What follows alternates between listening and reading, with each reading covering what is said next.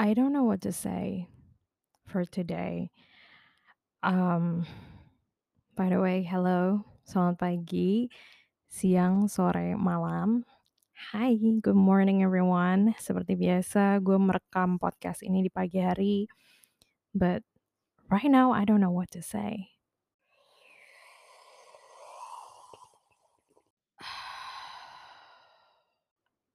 Kayak ada banyak banget pikiran di kepala gue. And I know gue sering kali bilang, you know, try to be meditative, try to do this, try to do that. But for some reason, I don't know what I'm going to say.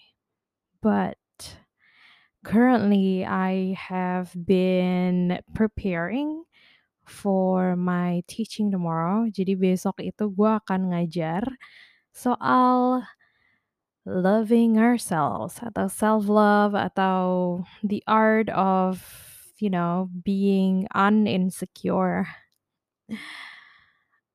Banyak banget pertanyaan sebelumnya di kelas-kelas sebelumnya juga tentang insecurity dan itu adalah salah satu topik yang akhirnya ingin gue babat. Dan gue mendapat kesempatannya untuk ngajar besok jadi gue lagi persiapin materinya. And it is a lot of work you know untuk bisa tidak insecure dan ini satu hal yang akhirnya gue dapetin dari beberapa riset yang gue lakukan beberapa minggu ke belakang karena topik ini juga gue bawa di buku gue. So yeah, I've been reading a lot about insecurity. Kalau dipikir-pikir, gue sempat mikir kalau insecure itu datangnya dari internal dan eksternal, faktornya ya.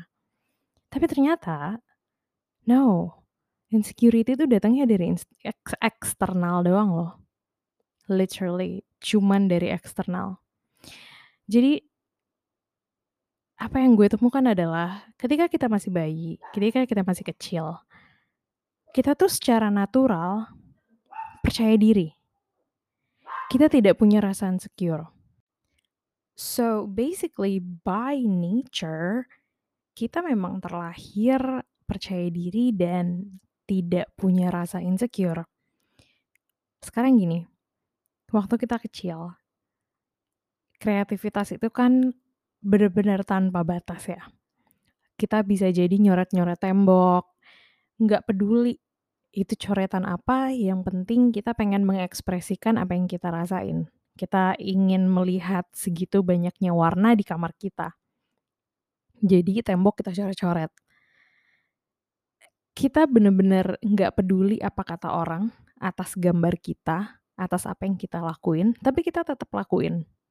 And that is confidence, darling. That is confidence.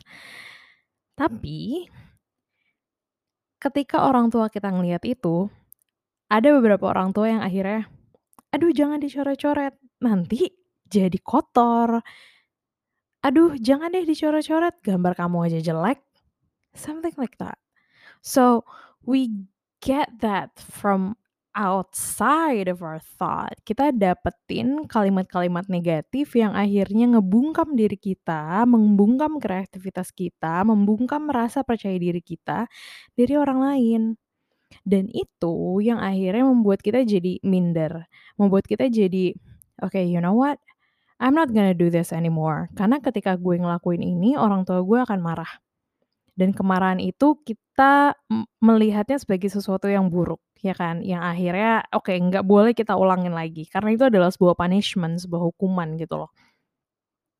Dan akhirnya kita nggak ngelakuin nyoret-nyoret lagi, kita nggak gambar-gambar lagi, karena kita tahu gambar kita jelek, karena kita tahu itu adalah sebuah kesalahan waktu kita kecil itu. Dan akhirnya punishment ini masuk ke dalam diri kita, masuk ke dalam otak kita, dan akhirnya menjadi inner critic kepada diri kita sendiri. So, yes, insecurity dan rasa tidak percaya dirian itu datangnya dari luar. Yang akhirnya kita bawa, kita rekam dalam memori kita, dan akhirnya kita jadi punya apa ya, kita membuatnya internally gitu. Kita ngeprosesnya secara internal akhirnya dan itulah yang biasanya muncul ada inner-inner critic gitu. Jadi kita sering kali ini akhirnya ngebuat ketika si anak kecil ini berubah menjadi dewasa, tumbuh menjadi dewasa, ini akhirnya yang bikin orang ini jadi tidak lagi percaya diri dan dia melihat kalau coret-coretan atau sesuatu yang istilahnya belum matang, sebuah ide yang belum matang itu adalah sesuatu yang salah. Dia punya inner critic yang apa ya, sangat loud gitu, sangat keras di dalam dirinya.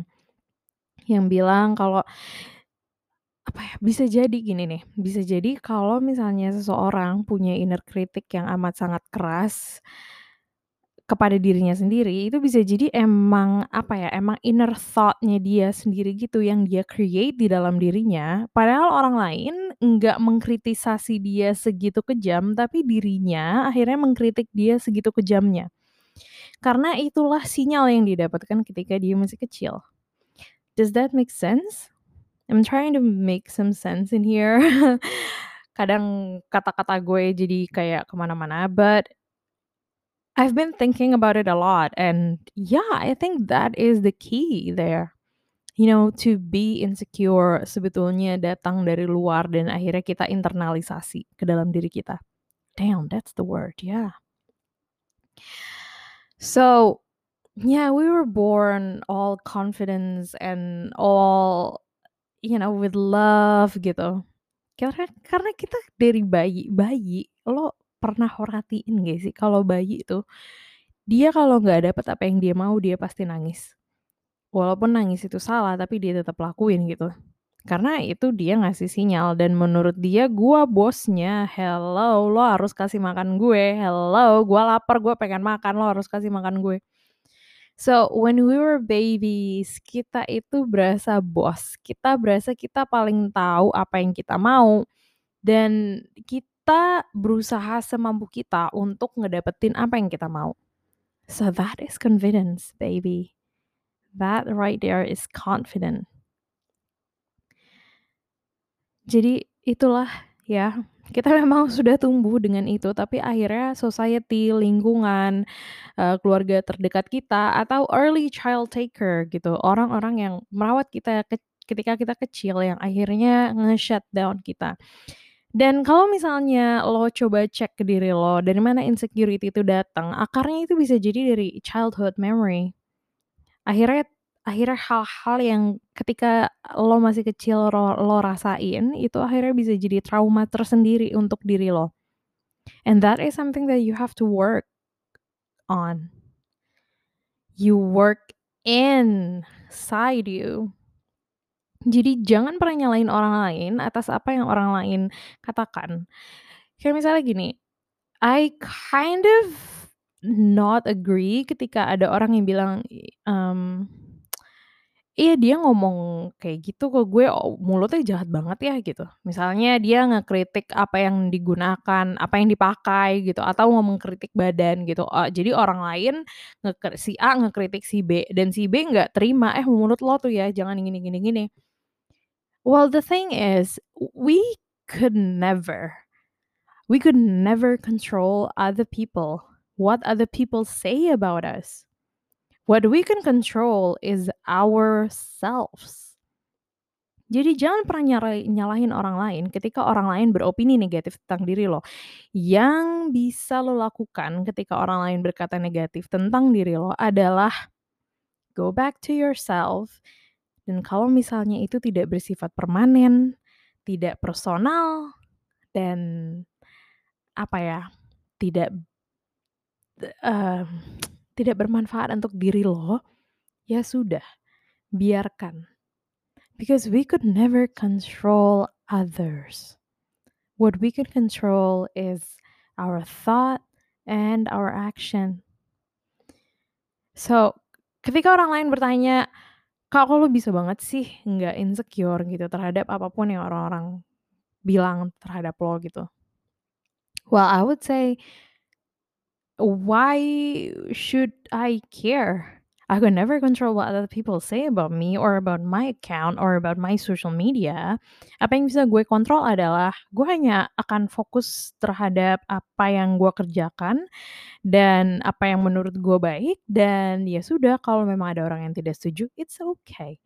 Shit happens. Lo mau sebaik apa pun, sebaik Mother Teresa pun, itu pasti akan ada orang yang benci dan gak suka.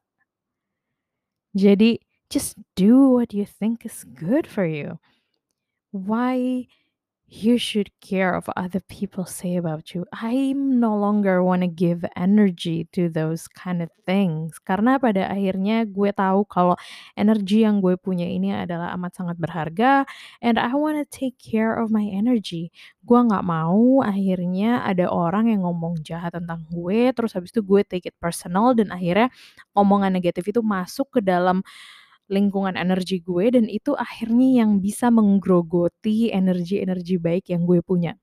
You know, for some reason ini it works like a bacteria and virus. Jadi kita punya energi, eh, jadi kita punya bakteri baik nih.